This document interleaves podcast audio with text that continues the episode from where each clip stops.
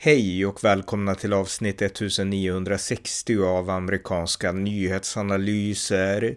En konservativ podcast med mig, Ronny Berggren, som kan stödjas på swishnummer 070-30 28 95 0. USAs republikanske Speaker of the House, Kevin McCarthy, har just blivit bortröstad från ämbetet i ett uppror inom sitt eget parti, anfört av Floridas kongressman Matt Gates. Det är första gången i amerikansk historia som en speaker har blivit bortröstad. Här analyserar jag situationen och samtalar med svensk-amerikanen John Engren Dahlsten som bor i Florida om delstatskongressmannen Matt Gates. Varmt välkomna! Ja, det här är alltså en historisk dag i det amerikanska representanthuset och det lät så här för bara ungefär två timmar sedan. The yeas are 216. The nays are 210. The resolution is adopted. Without objection, the motion to reconsider is laid on the table. The office of Speaker of the House of the United States House of Representatives is hereby declared vacant. Så med det klubbslaget så blev Kevin McCarthy, representanthusets republikanska talman, eh, avsatt av sitt eget parti, eller av en falang i sitt eget parti som röstade för att sparka ut honom. Och den som anförde det här, det var eh, Matt Gates, eh, kongressman från Florida, och Matt Gates har ju en lång historia tillsammans med Kevin McCarthy. De två eh, hamnade i ganska hårda konflikter i vintras när det krävdes eh, en majoritet inom det republikanska partiet för att utse Kevin McCarthy till speaker. Och då var också Matt Gates emot och det krävdes, eh, jag tror att det var om det var 15 omröstningar eller någonting innan man lyckades få till de kompromisser som behövde för att Matt Gates och hans falang skulle godkänna Kevin McCarthy som speaker of the house. Och eh, Kevin McCarthy var då en mycket svag speaker of the house. Så att det här har legat i luften, de här två har, det har varit ett slags kallt krig mellan de här två. Och det som utlöste den här senaste händelsen då när eh, Matt Gates sa att nu har jag fått nog eh, Eh, det var det som jag poddade med Pelle Zackrisson om häromdagen. Eh, den budget, den temporära budget som röstades igenom och eh, Eh, den röstades igenom för 45 dagar för att förhindra då ett statsstopp, ett regeringsstopp och eh, det var en budget som röstades igenom genom att Kevin McCarthy kompromissade och skar bort olika krav som republikanerna hade för att få demokraterna med på noterna. Så att det var med demokraternas hjälp som Kevin McCarthy kunde rösta för en budget som gjorde att regeringen kunde fortsätta att fungera. Och det här fick Matt Gates att anse att Kevin McCarthy är en rhino, en, en republikan som låtsas vara republikan men samarbetar för mycket med Demokraterna. Och eh, det var det som fick McGates att då initiera den här omröstningen. Och eh, inför det här så eh, tänkta misstroendet då så blev det en ordfight mellan speaker Kevin McCarthy och eh, eh Matt Gates. Kevin McCarthy han sa bring him on. Och eh, jag tror att Eh, Eh, Matt Gates twittrade I've just done that eller någonting liknande och eh, att han då hade initierat då misstroendeomröstningen. Och inför den här eh, omröstningen då, misstroendeomröstningen, så hölls det en debatt på, på golvet då i representanthuset där somliga republikaner ställde sig upp och gav sitt stöd till Kevin McCarthy och andra sa att det här var en tragisk dag och Matt Gates själv han sa och att det här skulle skapa kaos medan Matt Gates han sa själv att Chaos is Speaker McCarthy, sa Matt Gates då, som menade att allting är eh, Kevin McCarthys fel. Och eh, Demokraterna då, som faktiskt hade kunnat rädda Kevin McCarthy, eh, de gjorde inte det. Eh, demokraternas minoritetsledare Hakeem Jeffries, han lät meddela att eh, eh att det är republikanernas eget ansvar att eh, avsluta sitt eget inbördeskrig, sa Hakeem Jeffries, då, demokraternas minoritetsledare. Och eh, man lät republikanerna hållas med sitt knivhuggande. Och eh, en omröstning ägde rum och ni hörde i klippet att Eh, Kevin McCarthy röstades bort med 6, 216 eh, mot 210 röster.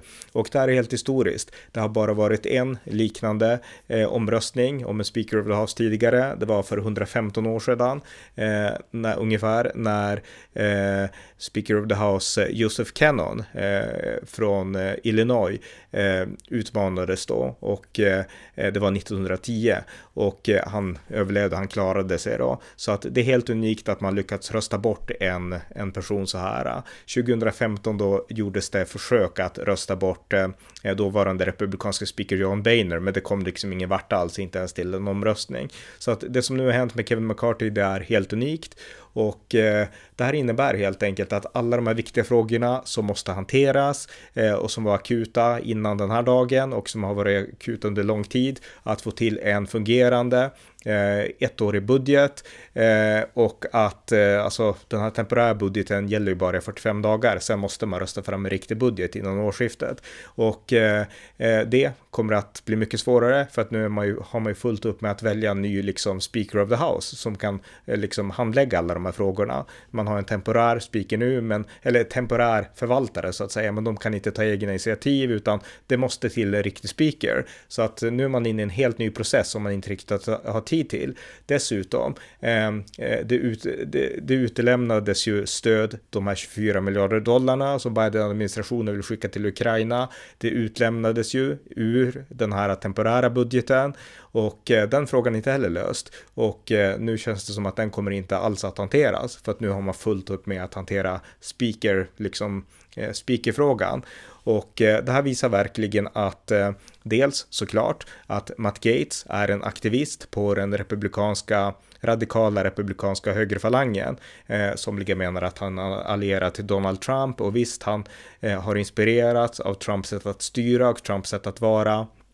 Men Matt Gates har ändå lite andra lite mer ideologiska ingångar skulle jag säga. Han är mer en form av Tea Party-republikan som är väldigt ideologisk. Sen så inspireras han av Trump, men han är mer ideologisk än Trump, Matt Gates, det skulle jag säga.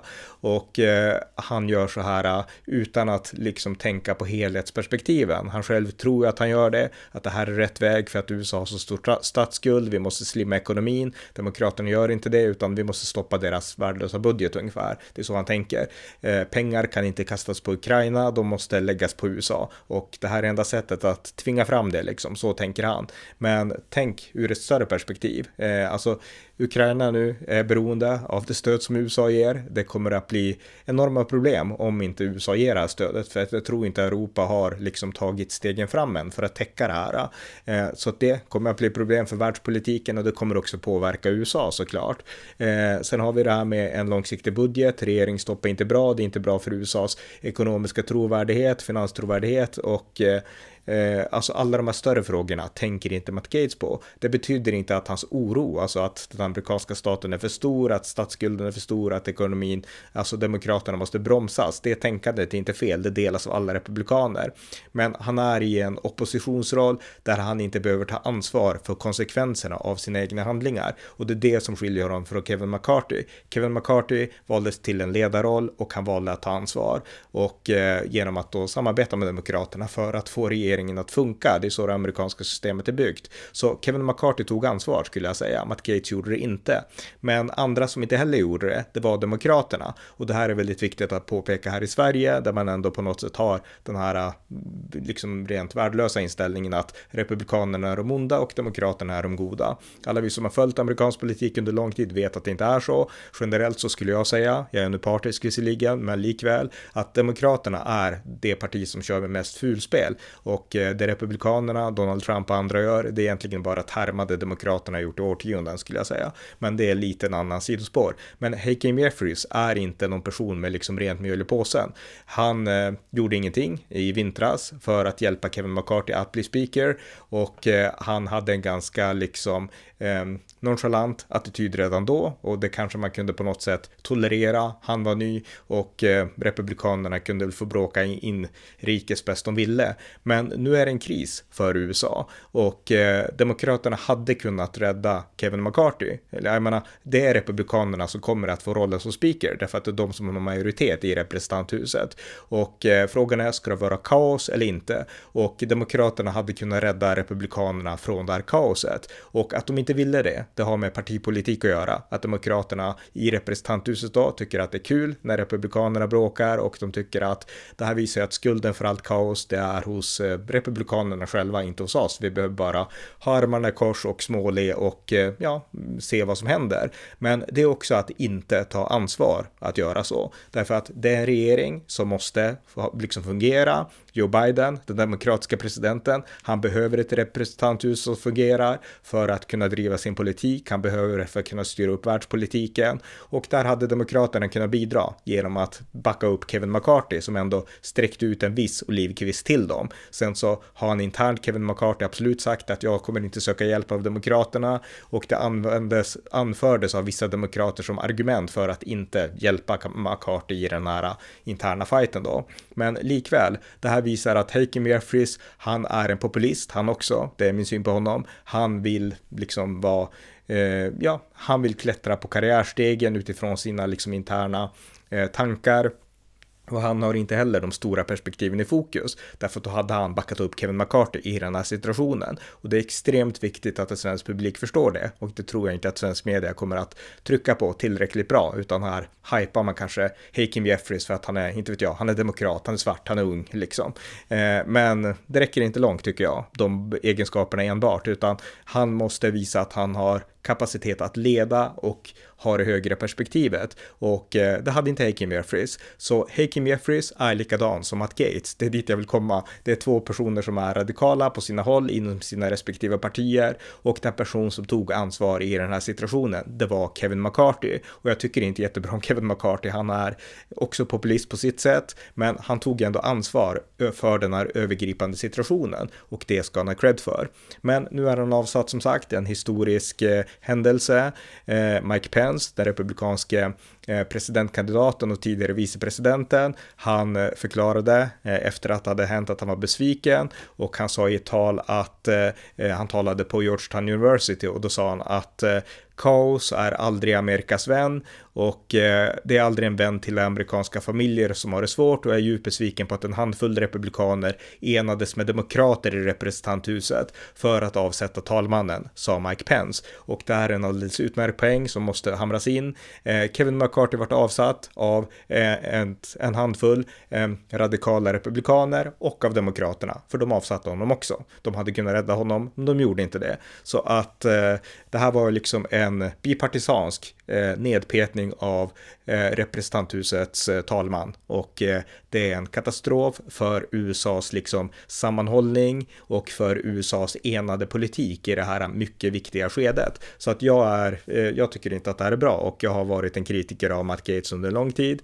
ehm, och det betyder inte att allt han säger är fel. Jag menar ideologiskt så har han rätt om ekonomin och så, men man måste kunna bolla det med verkligheten och han har också rätt i en hel del av kritiken mot Kevin McCarthy ska säga sägas, men det hör inte heller hit. Nu i den här situationen så måste man bara anpassa sig till att eh, eh, liksom de kalla fakta är att eh, den amerikanska kongressen är delad och att det är en demokrat som är president och man måste göra det bästa av situationen. Sen kan man göra allt man kan för att i nästa val förändra den situationen i mer konservativ riktning. Men här och nu måste man ju liksom styra ansvarsfullt och det är det som inte eh, Matt Gates, Republikanerna och eh, Demokraterna gör. Men Kevin McCarthy visar ansvar. Och eh, ja, frågan är, kan Kevin McCarthy göra comeback? Kan han komma tillbaka i nya ny omröstning? Teoretiskt ja, alltså republikaner skulle kunna ändra sig och rösta på honom. Men eh, det kommer säkert att ta tid och just nu så har eh, den amerikanska politiken inte så mycket tid. Det behövs stöd till Ukraina och det behövs en långsiktig budget som röstas igenom så att tiden är knapp och eh, Frågan är, kan man på något sätt vaska fram någon ny eh, tänkbar lämplig kandidat? Det är, ja, eh, det är inte säkert, därför att Kevin McCarthy var en av få som kunde ena partiet för ett drygt halvår sedan, så att det finns inga liksom jättenaturliga efterträdare som skulle ta över, kunna ta över efter McCarthy. Så att vi får se vad som händer nu, helt enkelt. Så att det var lite om vad som har hänt eh, de här intensiva dagarna och här följer ett samtal eh, om det här eh, i liksom, eh, eh, ja, om det här ur ett mer liksom direkt amerikanskt perspektiv tillsammans med John Engren Dahlsten som bor i Florida. Så här vårt samtal. John Engren Dahlsten, välkommen. Tack Ronny. Det var ett tag sedan vi pratade nu och vi brukar prata om politiken i Florida och mest då Ron DeSantis. Men nu är det en annan Florida-politiker som har hamnat i hetluften. Han heter Matt Gates, han är kongressman från Floridas första kongressdistrikt och han är, eh, ja, han bor väl på samma sida som, av Florida som du är tror jag, men, men jag vet inte om det är ditt distrikt riktigt. Nej, eh, det är väl längre norrut som han håller till. Eh, vårat är ju 16 det här och det, det är han inte med. Så att, eh, jag kan inte honom om jag hade velat. Så Nej. De håller isär det ganska bra. Men jag tror att det är norrut på västsidan. Om jag inte har helt fel. Ja, men i alla fall då, han har nu avsatt eh, Kevin McCarthy, eh, Speaker of the House, en historisk händelse. Och eh, han är ju en ganska, han är en kontroversiell person, Matt Gates. Han valde in, valdes in 2016 i kongressen. Han är inte så gammal, född 1982. Och han är, har också varit en stark Trump-allierad, även om det är lite komplicerat den relationen. Men han är en person som Eh, ja, verkligen se till att eh, överallt där han går så börjar det storma ungefär och det blir kaos och det blir olika saker som händer. Och eh, som sagt, nu har han blivit den första i historien att lyckas avsätta en speaker, en talman då i representanthuset. Eh, bara lite kort om honom, alltså har du några tankar om honom? Är han liksom en kändis i Florida? Nej, man kan säga så här att när det kommer till eh, representant och, och, och, våra 30 eh, ledamöter där så det inte det är ingenting som folk egentligen pratar om på det sättet. Det är senatorerna och presidentvalet som är mer intressant. Om det inte händer någonting som idag kommer det säkert att, att, att diskuteras. Men det är, man, det är 30 stycken, alla har inte koll på dem. Men eh, Matt Gates har ju varit lite i... Om jag inte har fel så har han lite andra, han har lite andra klammerier kring sin person också med några anklagelser om sexuella övergrepp eller någonting sånt. Stilen har jag för mig. Mm. Ja, det har du. Eh, mm. Ja, och, jag, och oklart, det kanske vi kommer till, men att eh, det kan är för att kasta bort eh, ljuset från sig själv som man gör såna här saker. Men jag tror inte att det exakt är så, men eh, för er tycker jag att han, han verkar rätt så omogen som person. Eh, visst, han är 41, men eh, jag, vet, jag, jag får det intrycket i alla fall när man, man ser honom. Och, mm. Eh, och, hans, och, och, och, vara. och lite vindflöjlig också. Som du säger, det känns som att han, han tar det så blir det, det, kanske inte skit av det, men det blir inte så bra. Nej, nej. Alltså bara lite kort bakgrund, alltså många säger att han, eh, alltså han påverkades ganska mycket när han var lite yngre då, av den här Tea Party-vågen, av Ron Paul och de här libertarianerna. Och de har ju en väldigt, eh, alltså tydlig ideologisk syn på staten, alltså staten ska hålla sig borta från eh, liksom att slösa pengar och de ska hålla skatterna låga, så, så att han är ju en aktivist i kampen mot Demokraterna när det gäller fiscal conservatism. Så på så vis kan man tycka att det är bra, men han är fortfarande, alltså han har inte känslan för vad som är vettigt och inte och det är liksom alltid hans way, eh, liksom the highway, hans way eller the highway ungefär. Så att han är, nej, nej men som vi var inne på, så han är, han är en besvärlig person och vissa tycker ju att han är en hjälte som verkligen vågar stå och liksom stå på principerna och agera som man gör. Ehm, jag tycker inte det, utan jag tycker att han mest ställer till besvär och det är för alla parter egentligen. Och eh, det senaste besväret nu, det är då alltså att han har avsatt Kevin McCarthy. Um, har du några liksom eh, kommentarer om just deras lilla fight? Först och främst så jag, jag, jag delar jag hans uppfattning ideologiskt. kan man göra det mer eller mindre smidigt. Eh, Tea Party som var väl lite mer extrema för min smak i och för sig, även om jag gillar Rand och Ron Paul. Men det, det, är precis lite grann på. Han känns lite omogen. Han har liksom inte fingerspetskänsla på det han han ställer till med, om jag uttrycker mig så, som lekman här. I det här fallet så blev jag lite jag blev tagen lite på sängen sen när jag fick ett genombrott i tv på Breaking News och det, det jag kollade på sport här och så, så sa de att det var första gången det hänt i historien. Mm. Det blev jag lite förvånad över för att man tänker sig att det har säkert hänt någon gång förut. Det har alltså inte gjort. Och vad jag tycker är lite märkligt är att visst, han kanske står på barrikaderna för sina principer, men detta skadar Republikanerna mer än något annat. Eh, röstsiffrorna tror jag fick det till 16 mot 210 utan att ha gjort någon vidare analys i varför författades ju några stycken. För jag har för mig att det är 435 i, i huset, om jag inte helt... Mm.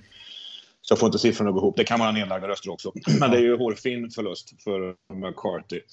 Men att göra så här inför öppen ridå, den trätan som de uppenbarligen har, har emellan varandra, de här två, det, det, jag vill säga att det är politiskt korkat i ett läge som vi befinner oss i just nu det här behöver inte Republikanerna ha. Eh, jag noterade att eh, McCarthy hade ju lutat sig lite mot Demokraterna för att få sitta kvar. Men varför skulle de ge honom det?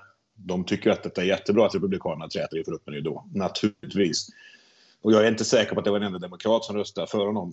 Eh, jag har inte, jag har inte kollat igenom röstsiffrorna. Nej, men jag tror inte det. det. Jag tror inte det. Demokraterna ville att Republikanerna, ni får skylla er själva om ni liksom ska hugga knivarna i varandra. Det var Demokraternas inställning.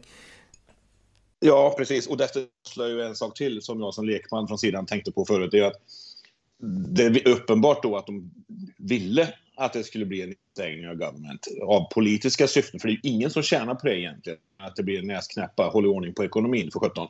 Men det är ju ingen som tjänar på det eh, direkt. Mer än kanske vissa politiska syften. Men det är också rätt uppenbart varför de gjorde det här i så fall. Om det hängde på att han, McCarthy, gick ihop med demokrater och, och behöll, eh, behöll USA öppet så att säga. Mm. För det skulle ju ändå bara hållas en månad till, om det, jag vet om det är 7 november eller något sånt där, så de skulle göra en ny omröstning om detta. Mm. Så jag tycker saken osar, det osar katt lång väg. Det är någonting som, det här är högst märkligt. Ja, nej men alltså det är populism från, eh, från Matt Gates sida skulle jag säga. Alltså den här liksom, ja. jag, jag, vet inte om jag skulle säga att det är liksom, eh, vissa säger ju, jag läste någon tidning nu att han är liksom, han, är, han står i Trumps läger, men man kan inte klistra det här på Donald Trump, därför att Donald Trump är vän till Kevin McCarthy också, och Donald Trump har sina egna liksom, han är lojal mot dem som är lojala mot honom, så Trump backade ju McCarthy i vår, i vintras när han valdes, och eh, det är, vad ska man säga för någonting, det här är liksom Matt Gates eget race lite grann, alltså han är mer radikal än Trump, Matt Gates. Jo, men han har fått med sig en drös också, ska man komma ihåg. Visst, han behövde inte särskilt många republikaner. Utan de han har, har han ju. Plus alla demokrater som gjorde att McCarthy var... Nu är jag inget fan av McCarthy, det ska jag komma ihåg. Jag tycker att han är en politiker med vindflöjel. Som, mm. Han är där för sin egen skull och inte för någon annans skull. Men jag jag vet inte om Matt Gates är det också på något Nej, vis. men jag, det, det, det var jättebra att du sa det, för jag håller helt med. Alltså, jag är väg, jag stödde ju inte McCarthy, eller jag stödde honom i brist på andra alternativ, men alltså han är ju ingenting mot mm. mina, alltså de som jag har följt under åren, både John Boehner och Paul Ryan och alla de här tidigare liksom, och Newt Gingrich längre tillbaka och så. Så att jag menar, han, eh, alltså Kevin McCarthy är kanske en av de sämsta republikanska speakers jag har liksom följt. Eh, så att nej, jag är ingen fan av honom alls. Eh, men liksom, de är likadana, han är populist från sitt håll och han försöker ändå hålla allting samman han har fått det ämbetet. Medan Matt Gates, han vill bara riva ner. Och jag menar, det är som sagt inte bra för partiet, det är bra för Matt Gates kanske, men inte för partiet. Och jag tänker mig ändå att allmänheten, eh, den amerikanska allmänheten, de kan inte tycka att det här är bra. Eller vad tror du, vad tror du liksom i den mån allmänheten är intresserade? Tycker man att det är bra? Man...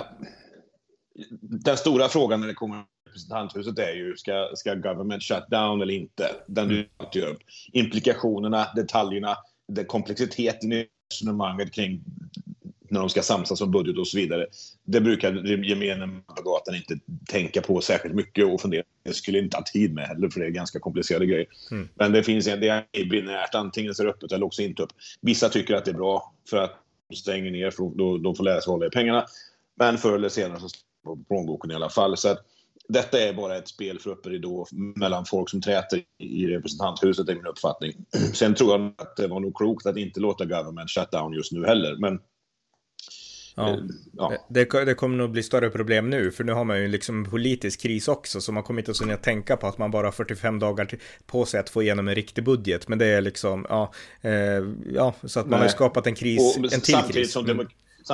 Ja, samtidigt som Demokraterna i viss mån just nu smörjer kråset. Mm. I alla fall på kort sikt. Det kommer ju naturligtvis att kosta dem ändå också till slut, men att Republikanerna träter så här öppet.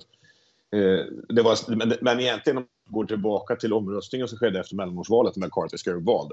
Det var väl också historiskt att det tog så lång tid att välja en, ja. en eh, en talman. Ja, jag har, det, inte, jag har inte huvudet nu, men det var ju typ 15, ja, det var ungefär 15 omgångar och det var ju också Matt Gates då, hans allierade som stod emot så länge som ja. gjorde att de inte kom överens. Och det var då man satte in regeln att det skulle räcka med en röst för att kunna fälla honom. Så att han satt ju svagt, eh, Kevin McCarthy, det gjorde han. Men det här var, det här är inte bra för, för politiken och det är inte bra för USA, jag skulle säga att det är inte bra för världen. Och två saker som, eller först en fråga, alltså hur stort har det här blivit i nyheterna? Alltså det pratas om det här överallt nu. Ja, nu det, det kom ju ut ut för en och en halv timme sedan eh, när jag satt och kollade på baseball här och de gjorde avbrott fram och tillbaka om det här och nu är det ju, det är ju naturligtvis eh, het, het stoff på varenda nyhetsoutlet här. Mm. Så det här kommer man nog analysera, stöta, blöta och vända på hela kvällen, jag tror även fortsättningsvis. Men, men jag skulle säga att den här omröstningen som kom när Kevin McCarthy var vald, detta är ju, om man drar det långt, en förlängning på den konflikten. Det är ungefär som att Matt Gates bara väntade på att mm och klämma åt McCarthy på ett eller annat sätt. Och nu fick han chansen att slå till utan att kanske tänka igenom konsekvenserna. Vad vet jag?